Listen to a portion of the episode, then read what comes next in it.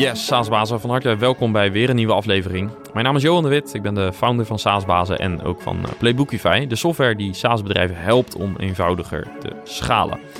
En met SaaSbazen willen we, uh, met SaaSbazen moet ik zeggen, willen we de community bij elkaar brengen, de SaaS community. En uh, vooral om van elkaar te leren. Vandaar ook deze podcast. Maar ook organiseren we regelmatig events. En op 8 september 2022 komt er een nieuwe editie van de SaaS Bazen Barbecue. Ga naar saasbazen.nl voor meer info. En dan nu eerst een bericht van onze sponsor Leadinfo, want daarmee zie je precies welke bedrijven er op jouw website zitten en op welke pagina's zij kijken, hoe lang ze daarover doen en uh, ga zo maar door. En ook geeft Leadinfo informatie over die bedrijven.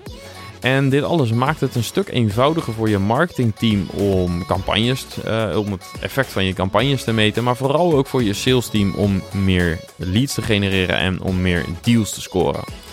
Ga naar leadinfo.com slash saasbazen om uh, te zien hoe het werkt en om het 14 dagen te proberen. Ja, als SaaS-baas of als SaaS-bedrijf in het algemeen is er uh, één groot dilemma vrijwel altijd. En dat is wel of niet ingaan op alle feature requests. Het is in ieder geval de uitdaging van uh, Michael van Robijs, van uh, het SaaS-bedrijf uh. En hij bouwde een ERP-oplossing voor bouwbedrijven met name. En ook nog een werkbon-app, Wappie. En hij vertelt in deze aflevering over zijn ervaringen van het, ja, omtrent het bouwen van die SaaS-producten. En we praten ook over de afwegingen die je moet maken in je product roadmap en ook over het uitwerken van een uh, productstrategie. Laten we snel naar het gesprek gaan. Enjoy!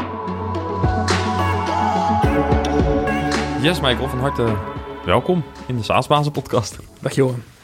We hebben al even een uh, ja, korte bespreking gehad. Je was uh, eerder uh, vorige week op ons event. En vandaag gaan we het ja, net als tijdens het event hebben over een aantal uh, thema's die voor uh, elke SaaS-baas relevant zijn. En een daarvan is, um, ja, hoe bepaal je eigenlijk wat voor product en wat voor features je gaat ontwikkelen? Dat is eigenlijk een van de belangrijkste thema's voor vandaag. Uh, maar voordat we dat gaan doen, kun je aan de luisteraar wat vertellen over wat jullie product is en welk probleem dat oplost? Yes. Met Robhouse zetten we een ERP voor projectmatige bedrijven in de markt. Dus um, bij ons staat echt project centraal. Daar um, beginnen we eigenlijk vaak met offerte, budgettering opmaken. Die calculatietool is eigenlijk ook direct een productconfigurator. En dat zorgt ervoor dat je direct budgetten hebt voor je projecten uit te voeren. Dan um, heb je natuurlijk ook de kosten. de werkbonnen die komen binnen, dat zijn uren, materialen die gepresseerd zijn. Langs de andere kant heb je ook eigenlijk de aankoopfacturen die we in rekening moeten brengen. En er zit een stukje planning natuurlijk ook in bij onze digitale werkboom Wappie, die dat eigenlijk allemaal samenbrengt. Dat is toch best wel een serieus uh, uh, bedrijfsproces als je dat allemaal bij elkaar optelt. Ja, klopt. Dat is ook de directe meerwaarde van Robhouse, is dat we het eigenlijk allemaal oplossen in één platform. Terwijl je misschien ja, anders wel wat toeltjes aan elkaar moet gaan koppelen. En ja, je kunt het allemaal wel gaan koppelen aan de hand van API's. Maar vaak is het dan toch wel beperkt, terwijl al die processen dicht bij elkaar hangen. En dat is net wat dat wij zo goed uh, oplossen met ons platform. Ja, en hoe is het idee ontstaan? Um, ja, eigenlijk in mijn tijd van software-ingenieur voor uh, DPG Media, de persgroep toen nog. Ik was toen eigenlijk gewoon een uh, freelance software-ingenieur. En buiten mijn uren was ik altijd bezig met ja, projectjes op maat te ontwikkelen. Software op maat, zoals ik oorspronkelijk begonnen. En daar was ik vanaf gestapt omdat dat eigenlijk heel veel werk was voor weinig te verdienen. En daarmee was ik software-ingenieur begonnen voor uh, ja, freelance basis. Maar dat was altijd wel blijven uh, ja, in mijn hoofd zitten. En via mijn eigen netwerk had ik wel een paar vragen om applicaties te maken op maat. En één daarvan was toch wel een halve ERP geworden. Dat was wel heel tof. Um, maar uh, plotseling kreeg ik een telefoontje van, kijk uh, Michael, we gaan stoppen met jouw uh, op maat applicatie. Ik zeg, ja, oké, spijtig, maar um, waarom? Ja, er was eigenlijk een investeerder ingekomen in het bedrijf. En ze hadden alles onder de loep genomen, onder andere het softwarepakket uiteraard. En ze hadden een uh, nakalculatie nodig. En dat zat daar niet in, omdat dat niet gevraagd was. Goed, ja, pech. Ehm, maar ik zeg wel van ja, pas op, want we hebben echt wel heel veel specifieke dingen gemaakt. Um, dat ga je waarschijnlijk wel verliezen met een standaardpakket. En um, ja, dat standaardpakket was dan uitgerold. En een maand nadien kwamen ze terug naar mij van ja, Michael, uh, we gaan toch terugschakelen, want het lukt uh, niet zo goed. Uh, en kan je niet echt het een en ander voorzien voor die nakalculatie dan. Maar toen, na dat gesprek, was eigenlijk al een maand nadien, na dat eerste gesprek dat ze zeiden van we gaan stoppen, was mijn Frank al gevallen van oké, okay, uh, wie is dat bedrijf? Ik was aan gaan kijken, dat was toen de, de marktleider van bouwsoftware in België. En um, dat was eigenlijk een, uh, ja, 20, 30 jaar denk ik op de markt. En uh, ja, wel een mooi product, maar geen SaaS. Geen cloud-applicatie. Was nog helemaal on-premise? Ja, ja. Okay. Was ik ook een keer gaan kijken, um, van ja, hoeveel klanten hebben die? 10.000 klanten. Dacht ik van, dat is toch behoorlijk wel wat klanten. En de concurrenten waren eigenlijk ook allemaal wat hetzelfde. Uh, allemaal, ja, ik zeg, verouderde software is misschien een uh, stout woord, maar klassiekere software. Die moet installeren en niet zo gebruiksvriendelijk. En vanuit mijn expertise, vanuit uh, DPG Media, heel mooie applicaties maken. dacht ik wel van, ja, hier zit wel iets in om te maken. Ik was daar ook mee begonnen. Um, gewoon om strategisch voordeel van, ja, toen merkte ik, het was toen 2015, ah ja, het gaat allemaal cloud worden uiteindelijk. En uh, blijkbaar zijn er hier grote opportuniteiten op de markt, want die zijn blijkbaar daar nog niet mee bezig. En, en was dat ook zo? Waren ze daar nog niet mee bezig of probeerden ze het wel, maar lukt het niet? Omdat ze bijvoorbeeld groot waren, want dat is natuurlijk ook wel wat je af en toe ziet bij dat soort uh, ja, aanbieders. Um, specifiek dat verhaal heb ik een klein beetje opgevangen via via. Uh, ik had vernomen voornamelijk dat zij uh, vooral sterk geloofde dat dat, ja, ik heb het eigenlijk zelf gaan vragen aan de CEO en hij zei eigenlijk twee dingen. Ja, um, dat, krijg, dat kan je niet efficiënt krijgen. En um, ik zeg van, ja, oké, okay. uh, goed. Okay. Als je dat gelooft, uh, goed. Um, maar het was eigenlijk ook van hen, inderdaad, het is een gigantische applicatie en een ERP eigenlijk. Om dat te gaan uh, opnieuw maken, een gigantische investering. Ja. En ja, ik kan dan ook wel begrijpen dat ze daar eigenlijk uh, niet direct die stap gemaakt hebben. Ja, en hoe is dat vandaag trouwens? Uh, hoe zie, niet specifiek deze concurrent of zo, maar ik bedoel meer het, het speelveld binnen de softwaremarkt waar je nu in zit, een jaar of zeven later. Um, is eigenlijk niet zoveel veranderd. Hm. Um, we zien wel die partijen die opgekocht worden en dat daarachterliggend wel een verhaal bezig is van we gaan iets maken die op de markt komt. Um, maar goed, als je nog op de markt moet komen met zo'n ingewikkeld product, dat is wel best een uitdaging. We hebben al verschillende ja, bedrijven gezien die dat geprobeerd hebben en dan ergens moeten staken van, ja kijk, het is echt wel te uitgebreid, te complex. Ja. En uh, ja, uiteindelijk zijn wij in de markt gekomen in 2018. En kan ik maar echt uh, ja, heel trots zijn op mijn product uh, van 2021 of zo. En toen hadden we er eigenlijk al ja, vijf jaar aan gewerkt of zo. Dus het is echt wel een serieuze complexiteit dat je moet tackelen om uh, direct goed te zitten. Ja. En dan mag het nog zo goed zijn. Het is eigenlijk, moet nog een keer battle-tested geraken. Hm. Want de dingen dat we al meegemaakt hebben, door heel veel power te geven aan users, die het dan gebruiken op een manier dat je niet voorzien had en daardoor je productiesystemen in uh, de gevaren komen, dat is uh, ja, wel uh, een uitdaging. Ja, complex, ja.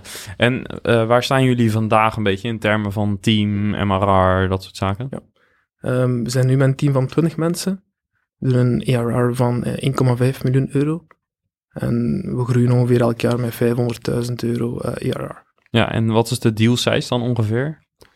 De gemiddelde deal size is ongeveer 3500 uh, op een jaar. Ja, en dan hebben jullie uh, ARR. En, en, welk, en, en, en, hoe zit het met implementatie, onboarding, dat soort zaken? Ja, implementatie hebben we eigenlijk nu opgedeeld in drie pakketten. Um, een fast onboarding, waar ze voornamelijk verwacht worden voor veel zelf te doen. Een um, standaard onboarding met een paar fysieke bezoeken. Um, en een intensive met uh, achttal opleidingen. Dat we echt wel de klant helpen. Het zijn eigenlijk drie pakketten. We zijn eigenlijk uh, veranderd van uren verkopen naar waarde uh, opleveren. Zijnde, kiest een van die drie pakketten dat je met de sales overeenkomt, die passend is voor jouw bedrijf. En je gaat succesvol worden met Robouws. Ja, en zitten daar dan specifiek deliverables of zo aan? Een bepaald aantal templates dat je maakt voor je invoices en dat soort zaken? Of hoe heb je die waarden gedefinieerd? Um, die staan niet zo fijn vastgelijnd. Um, er staan sowieso in een pakket wel een paar zaken die ze sowieso krijgen. En we beginnen eigenlijk met een uh, intakegesprek. Dat is iets dat we geleerd hebben dat wel belangrijk is om van te beginnen. In dat intakegesprek wordt bijvoorbeeld uh, gevraagd van oké, wanneer wil je actief zijn met dit systeem? Ah, oké. Uh, wat moet je dan allemaal functioneel kunnen gebruiken? Want dat is vaak een onderhandeling, je kan veel, maar het is interessant om zo snel mogelijk actief te zijn met zo min mogelijk dat zinvol is voor jouw bedrijf. En um, dan kom je bepaalde aspecten tegen, zoals datamigratie, een stukje dubbel werken, hoe ga je daarmee om? Soms is dat relatief simpel, soms is dat ook uh, echt een uitdaging om dat goed uh, te krijgen. Ja, is dat vanaf het begin zo dat je die visie hebt? Of is dat door de jaren heen dat je zegt van nou, het is handiger om bijvoorbeeld alleen even te beginnen met CRM of nou ja, ik noem maar een, een oplossing? Of, of... Die uh, visie is er altijd wel geweest. Van uh, kijk, probeer te beperken wat je kan en digitaliseren is uh, vaak misbegrepen in Vlaanderen. ze denken van je koopt een tool en je bent gedigitaliseerd. Terwijl dat ze eigenlijk al twintig jaar op dezelfde manier werken. Dat is echt een mindsetverandering dat je soms moet erin krijgen van oké, je hebt een heel goede tool, maar ja, digitaliseren is wel een iteratief proces. Kijk wat je tegenloopt, probeer dan wat meer van de software te gebruiken die misschien u kan helpen, of interne processen af te leiden. En ja, dat is iets dat niet stilstaat. En hoe ver gaan jullie daarin, in dat uh, ja, teweegbrengen van die andere mindset? Dat is een uh, evolutief proces. Uh, het is soms heel mooi te zien bij bedrijven, zeker als de werknemers daar worden mee betrokken. Een keer als ze beginnen bepaalde aspecten echt te gebruiken, zien ze opportuniteiten van, ah, maar kijk, ja, we zien een heel goed opmerkingssysteem op onze klanten. Mogelijk kunnen we dat ook gaan gebruiken voor onze projecten, bijvoorbeeld daar een interne dialoog teweeg te brengen. En zo zie je echt wel dat soms een heel stoffige manier van werken echt wel wordt in vraag gesteld. En dat is ook wel de meerwaarde direct zien van, oh, kijk, we kunnen ook zo gaan werken op die manier. Ja, maar het is dus heel gradueel eigenlijk. Dus het is niet zo dat je eerst uh, gaat evangeliseren, zeg maar, zodat ze een digitale mindset adopteren. Maar het is meer stapsgewijs, kleine stapjes, uh, zodat ze kunnen wennen aan nieuwe werkwijzen. En op die manier probeer je ze meer in de software te krijgen. Is dat wat je, hoe jullie doen? Ja, maar natuurlijk, uw eerste basis moet daar wel zijn. En afhankelijk van het bedrijf is die basis soms al best groot. Hm. En hoe dat we dat vaak aanpakken is, we maken één iemand verantwoordelijk binnen dat bedrijf om te trekken aan de kar. Zodat hij ook heel veel interne feedback kan centraliseren. Zodat wij als bedrijf niet moeten gaan spreken met vijf andere mensen. Uh, en dat ze wat kunnen uh, hun vragen uh, bundelen. Um, en die persoon moet eigenlijk vooral aan het bedrijf gaan uitleggen hoe dat ze daarmee overweg kunnen gaan. Dat is ook vaak de persoon die weet welke instellingen dat er allemaal mogelijk zijn, welke configurators dat ze kunnen gaan aanpassen om beter aan te sluiten bij hun bedrijf. En um, ja, dat is eigenlijk de persoon die moet uh, vooral de kar trekken in dat bedrijf om uh, de implementatie een succes te maken. Ja, dus dat is een beetje de champion waar je alles omheen doet. Ja. ja. En wie, wat voor rol heeft hij doorgaans in het bedrijf? Um, in kleine bedrijven is dat vaak ja, de CEO. Um, soms is dat ook wel iemand die meer de technische achtergrond heeft. Maar vaak zien we toch wel uh, de CEO of de COO uh, eh, daarmee uh, van start gaan. Ja. Hmm. En hoe beïnvloed je zo'n CEO? Wat zijn een beetje de, ja, de hefbomen die je kunt gebruiken? Um, ja, het helpt dan natuurlijk als ze ingetekend hebben dat ze perfect weten wat dat er allemaal kan. Dus die persoon heeft direct al een visie van oké, met deze tool kunnen we daar geraken. Maar dat is ook misschien niet voor vandaag allemaal te gaan doen. We gaan dat stapgewijs gaan doen. En daardoor gaan ze gaan zeggen, kijk, vaak is uh, offerte naar facturatie toe echt wel een essentieel proces. En beginnen ze daarmee. Het feit dat ze achteraf kunnen zien welke rendementen dat ze hebben op hun projecten, is dat wel vaak iets dat heel belangrijk is voor de CEO, maar hij weet van oké, dat gaat achteraf in orde komen. De keer als we bijvoorbeeld ook de aankoopdienst of boekhoudingdienst uh, de aankoopfacturen laten verwerken. Maar voor nu al te beginnen is het bijvoorbeeld al interessant om heel snel, heel eenvoudig onze offerte te calculeren, dat daaruit de facturatie doorstroomt. Ja, en op wie richten jullie je met name in het salesproces? Redelijk uh, top, ja. Hm. Uh, dus het is uh, niet zo evident, omdat we echt zitten in het kernproces van een bedrijf Dus het is echt wel management die uh, moet zeggen, kijk, uh, we gaan uh, een verandering doen. Ja. Het gebeurt niet vaak dat het van onderuit groeit. Um, soms wel, maar dan is dat eerder de vraag naar management toe van, kijk, we hebben hier iets nodig, want um, ja, we, we, zijn te inefficiënt bezig. Ja. Hoe klinkt voor jou een, een, strategie als product-led growth? Vorige week op het event hadden we het daar natuurlijk over. Er werd door René Bonvanie een vrij stevig statement gemaakt. Van als je vindt dat je, dat je product te complex is dan, om te verkopen zonder verkopers, dan is je product misschien niet, niet eenvoudig genoeg. Hoe luister jij daarnaar vanuit jouw ervaring? Um, ja, product-led growth is voor mij een natte droom, maar um, als je luistert naar, ik weet niet meer juist hoe dat noemde, maar de marketing specialist, dan uh, begreep ik hem perfect wel van wat hij van kwam. Maar dan zou ik persoonlijk geen klanten hebben. Ja. Ik denk dat zoiets wel werkt op internationaal niveau, op schaal, dat je dan je genoeg tech-savvy mensen hebt die je product gaan gebruiken. Maar in onze sector, zijn de bouwsector en Vlaanderen, dan um, zou ik hier nu geen 500 klanten hebben vandaag. Nee. En, en zijn er wel bepaalde elementen binnen, zeg maar, die, uh, nou, laten we het even low-touch benadering noemen, waar jullie wel mee experimenteren, bijvoorbeeld vanuit marketing, om, om zonder een heel uh, stevig salesapparaat in ieder geval wat tractie te krijgen? Um, ja, zeker het uh, aspect van onze ERP-platform, meer de digitale werkbonden, op je dan. Ja. Um, daar hebben we bijvoorbeeld wel een uh, probeer gratis knop op de website. Ja. En daar gaan we toch al, we hebben we al wat mooie stappen in genomen. Zijnde, om de website kan je je registreren, uh, moet je je gsm-nummer ingeven en sturen we dan een, uh, een code. Dan kom je direct in het platform terecht. Op die manier weten we direct dat dat een correcte lead is. Ja. En uh, na die gsm zelf sturen dan ook bijvoorbeeld een app diep linken. Als ze daarop klikken, wordt direct de werkbon-applicatie geïnstalleerd en worden ze automatisch ingelogd zonder dat ze iets moeten doen. Ja. En als ze daar dan een eerste opdracht invullen, dan zie je op het scherm bijvoorbeeld van, ah, wauw, je hebt de eerste werkbon doorgestuurd. Dus dat zijn wel van die aspecten die echt wel in PLG zitten, die we proberen toe te passen, ja. specifiek op een eenvoudiger stuk van ons ERP-platform. Ja, ja want dit, dit klinkt inderdaad wel als een van de tactics die je vanuit uh, PLG kan gebruiken om in ieder geval ook uh, bottom-up iets te doen. Hè? Dat je bij de gebruiker begint. Ja, ja, ja, klopt. En dat proberen we zeker wel mee te experimenteren met een eenvoudiger product zoals uh, Wappie, de digitale werkbom. Ja. En bepaalde aspecten zien we dan dat we wel ook kunnen toepassen voor Robouw zelf. Maar de uitdaging daar is dat de klanten uiteindelijk heel diverse verwachtingen hebben van het platform.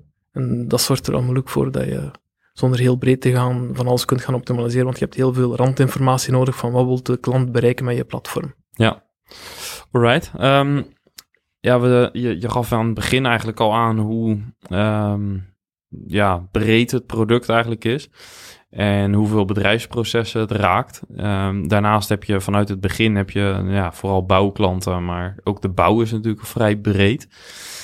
Um, hoe heeft vanaf het begin af aan jouw besluitvormingsproces eruit gezien om functionaliteit te ontwikkelen? Want hoe ja, breder je klantgroep is en hoe breder je productgroep is, hoe uiteenlopender de verzoeken, de feature requests ook zijn. Hoe ben je daar vanaf het begin mee omgegaan? Ja, um, het was van in uh, dag 1 al duidelijk van oké, wij doen een ERP, specifiek naar uh, projectmatige bedrijven. Zijn de, in in uh, België is dat de grootste sector, bouwsector.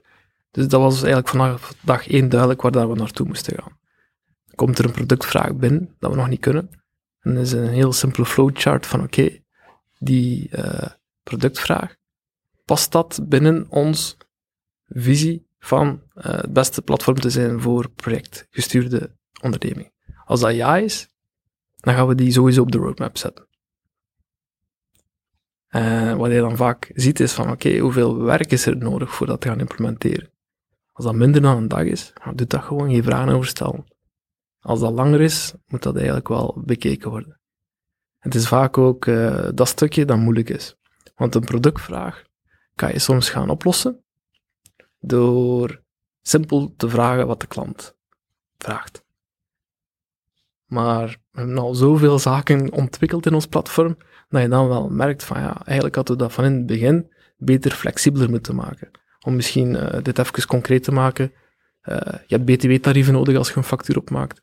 Je kunt dat statisch erin zetten, dan is het klaar op een dag. Of je kunt daar een volledig dynamisch systeem van maken dat je kunt gaan beheren. Ja, het laatste is natuurlijk wel interessanter. Um, maar mogelijk, als je de feature vandaag moet shippen, ga je misschien toch kiezen voor die korte uh, termijn oplossing. En soms weet je het ook niet goed. Uh, een van de moeilijkheden dat je hebt is, ja, de klant stelt een vraag en je weet dat het nodig is, maar je weet eigenlijk niet waarom dat nodig is. En dan is echt de bedoeling voor mij, jouw klant echt te gaan doorpraten van, wat probeer je nou eigenlijk te bereiken? En heb je dat vanaf het begin af aan ook op die manier gedaan? Of is dat meer iets wat in de loop der jaren is gekomen? Um, met de loop van jaren, ja. ja. Ik heb um, daar wel een paar uh, slechte ervaringen ook mee gehad. Uh, dat is het voordeel van software, je kan het altijd refactoren. Maar bepaalde zaken die je gedaan hebt, kan je niet meer uh, terugnemen. Ik weet nog zeer goed dat mijn vrouw was in het ziekenhuis voor te gaan bevallen. Ons eerste kindje, Jerome. En uh, ik zat nog te bellen terwijl zij daar uh, klaar lag, zeg maar. Uh, met mijn uh, enige sales aan bellen over iets dat hij nodig had voor een deal te kunnen closen. Ja, helemaal hyper, ja, we gaan dat doen. Ik ben dan nog die navendag gaan ontwikkelen, het zat er dan in. En heel kostbare tijd, zeg maar, van mijn familie een beetje weggenomen. Om dan een week achteraf te horen dat eigenlijk toch niet wat de klant bedoelde. Ai. Ja. ja. ja. En, en, en hoe heb je dat uh, proces vandaag ingericht? Dus hoe ziet jullie uh, flow eruit om feature requests te beoordelen? Ja, dus uh, het helpt al heel sterk als je als productowner niet zelf gaat praten met je klanten. Dus we hebben een team van uh, CSM's. Zij praten met klanten en vanuit die hoek komen zeker ook wel productaanpassing vragen aan te pas. En het feit dat daar al een barrière tussen is, is al helpvol, want ik ga veel sneller tegen mijn CSM zeggen van nee, dat gaan we niet doen, dan ik zelf doe tegen mijn klant. Um, dus uh, op die manier wordt dat eigenlijk wel beter gekaderd. Uh, we krijgen ook veel productaanvragen binnen via gewone support tickets, mail. En eigenlijk hebben we een proces dat we elke maandag dan met iedereen die daar betrekking mee heeft bespreken van oké, uh, wat doen we daarmee? Sommige zaken zitten eigenlijk al op de roadmap. En is het eigenlijk gewoon even opnieuw een vraag stellen van, heeft dat nog altijd de gepaste prioriteit? Um, en andere vragen zijn dan zaken soms, ja, eigenlijk willen we dat niet doen. En ja, doorheen de jaren hebben we ook wel veel zaken eigenlijk geblokkeerd. En ja, dat is niet altijd het meest prettige, maar je moet het doen. Uh, de laatste jaren zeggen we steeds meer nee.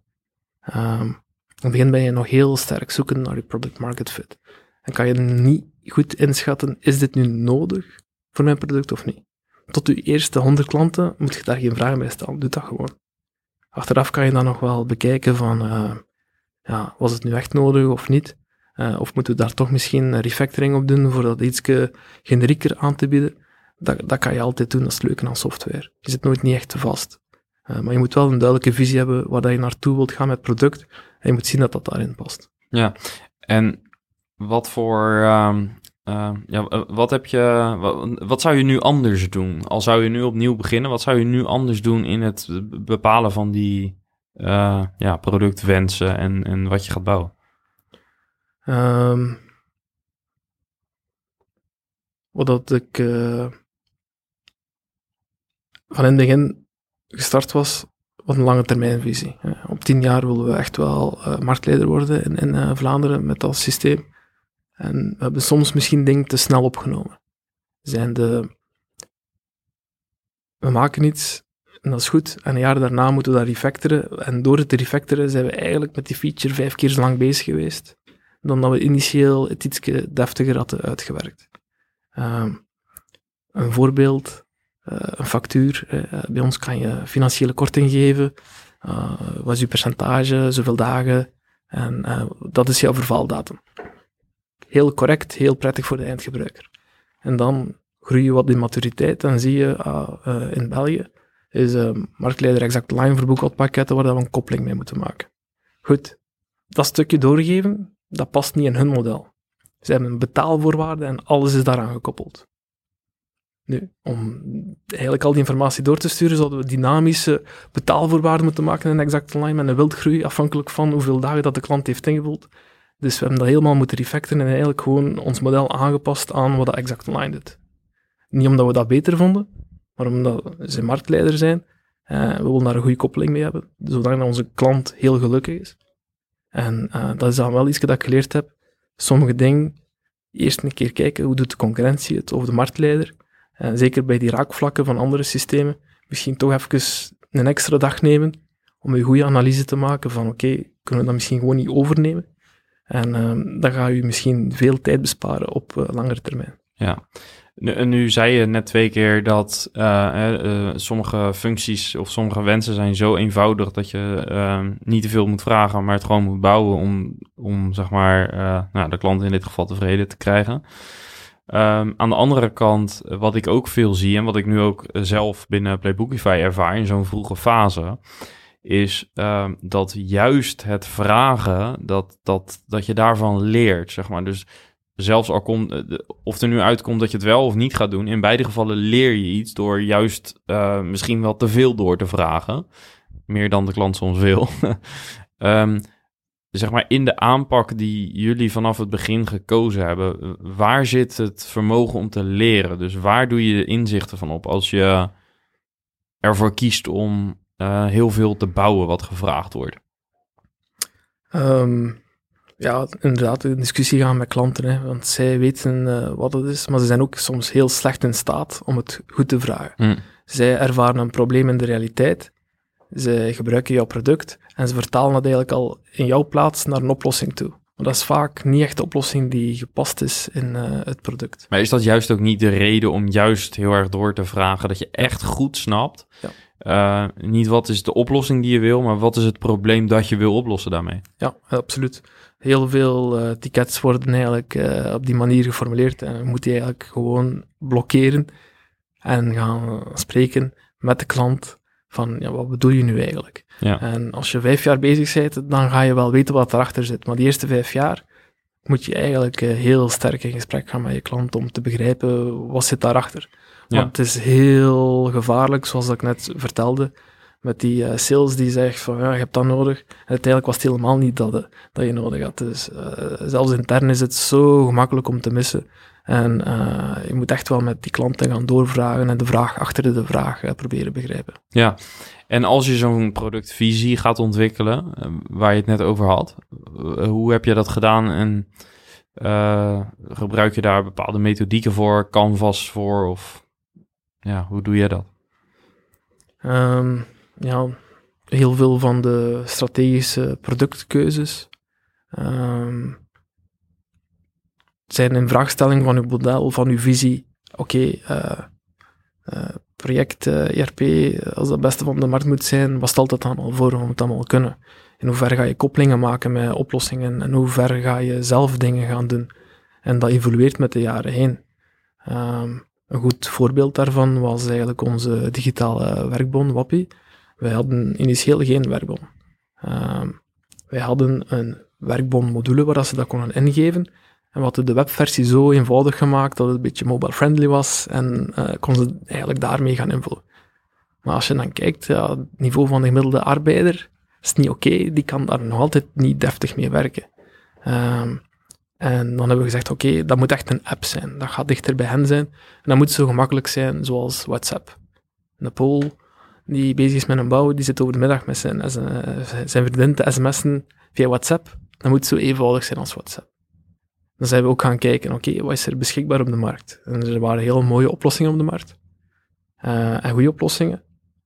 Maar we kennen onze klanten ondertussen een beetje en uh, we hadden ook wel wat randvoorwaarden Zoals bijvoorbeeld op ons project uh, hadden we heel wat informatie bij die we heel goed wouden laten doorstromen naar de app toe. Naar registratie van uren toe uh, is ook belangrijk voor een correcte projectanalyse te kunnen doen. Dat je soms verder gaat dan enkel registreren van welke uren dat je gedaan hebt.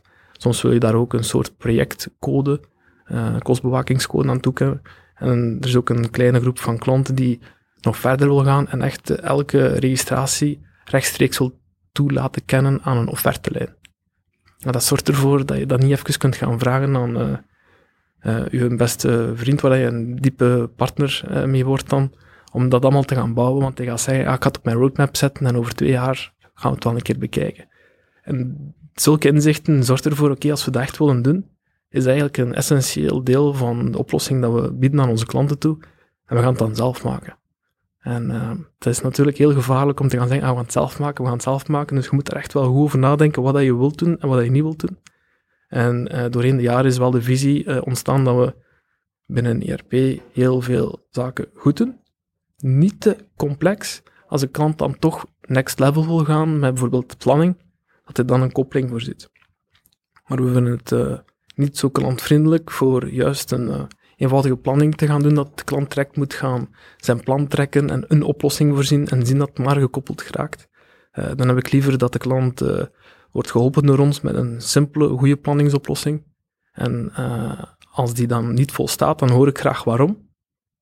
Als we dan weten van, ah, die feature mist echt de klant, waar dat hij echt niet kan gebruiken, dan maken we die evaluatie, past dat binnen ons pakket, kunnen we dat voorzien, kunnen we dat opnemen. En als het echt te vergaand is of, of te niche, dan zeggen we van oké, ik denk dat je misschien echt moet op zoek gaan naar een gespecialiseerde planningsoplossing. Ja, en betrek je nog klanten bijvoorbeeld in dit proces of customer succes? Of wie, wie bepaalt dit? Ja, dus die vraag gaat rechtstreeks komen van een klant hè, die zegt van kijk, ja, die planning kan het eigenlijk niet gebruiken.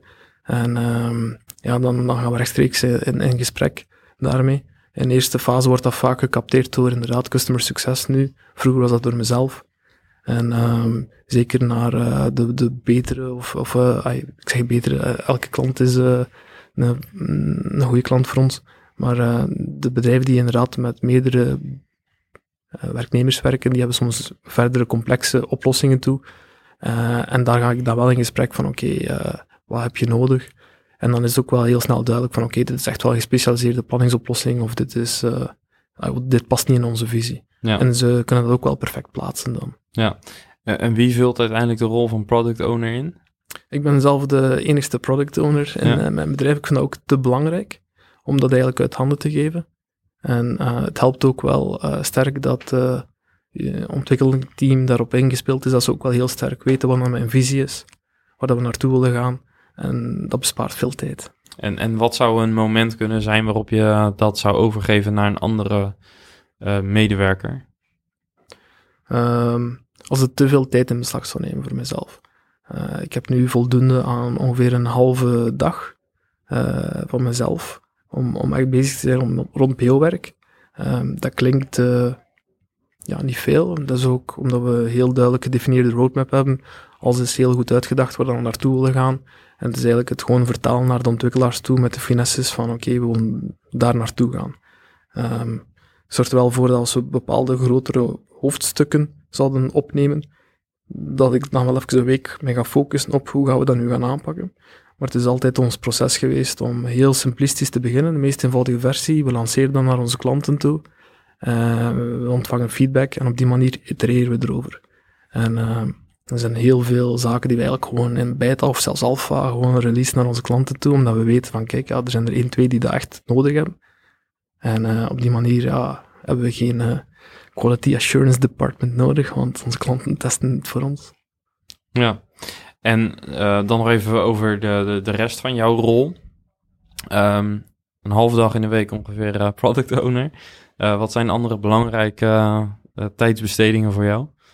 Ja, tot op een paar jaar geleden was dat ja, ontwikkelaar. Dus ik was nog altijd veel bezig met ontwikkeling. Dat heb ik nu sinds een dik jaar kunnen afgeven. En, Helemaal? ja. ja. ja. Ik zie je een beetje twijfelen. 95 procent. Ja, ja, ja. Af en toe kan er toch nog wel een regelcode uit. Ja, als het echt moet, uh, of ja, weet je, het is soms uh, voor mij vijf minuten werk om het dan uit te leggen en, en, en opgeleverd te zien, ben je soms snel een uur mee bezig. En um, het is niet oké okay dat ik dat soms nog een keer doe, maar het hoeft niet en dat is al belangrijk. Ja. Het is gewoon omdat ik uh, uit efficiëntiereden soms zeg van, kijk, ja, ik ga het toch een keer doen, of... Uh, we hebben uh, een relatief klein ontwikkelingsteam met uh, vijf heel goede mensen.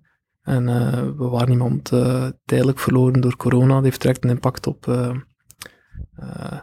feature velocity. Hebben we even binnengesprongen. Dus ja, ja. ondanks dat we toch al met twintig mensen zijn, ja, merk je toch wel nog altijd een uitval van een collega. Ja. ja. En wat doe je aan de commerciële kant? Um, bitter weinig. We hebben een sales manager, die stuurt het sales team aan. En uh, ik volg dat wat van op afstand aan Ehm, mijn, mijn tijd nu, eh, als je het vrij, eh, vraagt, is voornamelijk eh, ingevuld met onze interne processen te gaan optimaliseren. En ehm, we bijvoorbeeld eh, dit jaar hebben we onze facturatie aangepast, dat echt met een billingsysteem is, dat allemaal geautomatiseerd is. Daarvoor was dat allemaal handmatig en eh, dat was niet zo evident. Dus dat is een van de zaken dat we hebben geoptimaliseerd. Onze doorstroming naar onze boekhouding eh, hebben we dan ook verbeterd. Ehm, ja, we gebruiken onze eigen tool daarvoor, uiteraard. Maar dan ook de dashboards en rapporteringen met eh, de Power BI die we er dan op zetten. Ehm, ja, dat zijn allemaal aspecten en belangrijke zaken waar, we, waar ik zelf mee bezig ben en ook heel veel uit leren uit eh, business. Ja, eh, en wat is je grootste struggle op gebied van het eh, documenteren van die processen? Ehm, ja, dat is allemaal niet zo goed afgeleid. Hè. Het is een heel duidelijk proces in mijn hoofd van hoe dat een salesgesprek verloopt. Mijn salesmanager weet dat ook perfect, maar als je dan gaat kijken in de realiteit hoe dat het gebeurt, ja, dan kom je toch wel voor eh, schrikbarende opzichten van, ja, jongens, dit is niet echt de manier dat we dat eigenlijk zouden doen.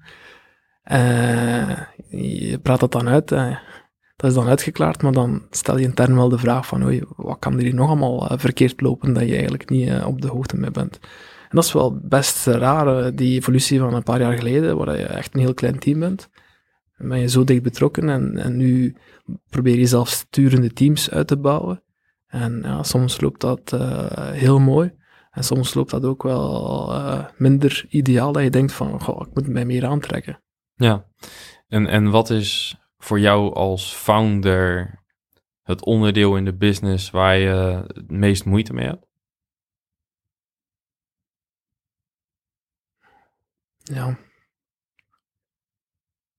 Dat is een moeilijke. Ik denk eh, voor een stukje, als je ziet dat een team niet goed draait, om daar een aanpassing aan te doen. Omdat, ja, als CEO ben je bruut en heb je alles te zeggen, maar ergens wil je ook die teams zelfsturend maken. Dat ze het ook zelf daaruit geraken en dat je voor een stukje eerder misschien wat coachen doet of wat mee helpt brainstormen, dan het even gaat oplossen voor hen.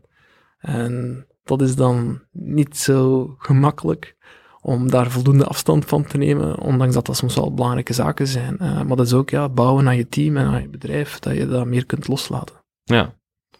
Ja, en dus geduld bewaren en iets meer observeren en coachen in plaats van meteen ingrijpen dus. Uh, dat probeer ik wel te doen. Ja. ja, ja. Um, is er nog iets wat je zou willen delen, wat we niet besproken hebben? Um, de evolutie van onze IT-landschap is misschien nog wel een uh, interessant topic. Uh, want uh, toen we begonnen waren, was dat eigenlijk heel eenvoudig. we bouwen gewoon een WAR-file, we deployen dat op een server en dat draait. Dan krijg je klant 2 daarbij, en dan doe je hetzelfde tot je tiende klant. Dan heb je eigenlijk tien verschillende versies draaien van je applicatie. Dan denk je, ja, de komt daarbij, ja, dat moet ook beter kunnen. Dus, uh, en dan komt die... er een klant met specifiekere uh, security wensen. Uh, ja, dus wat doe je dan? Ja, je bouwt eigenlijk echt een multi-tenant oplossing. Dus dat wil dan zeggen dat je al die verschillende databases mocht gaan samensmijten in één database.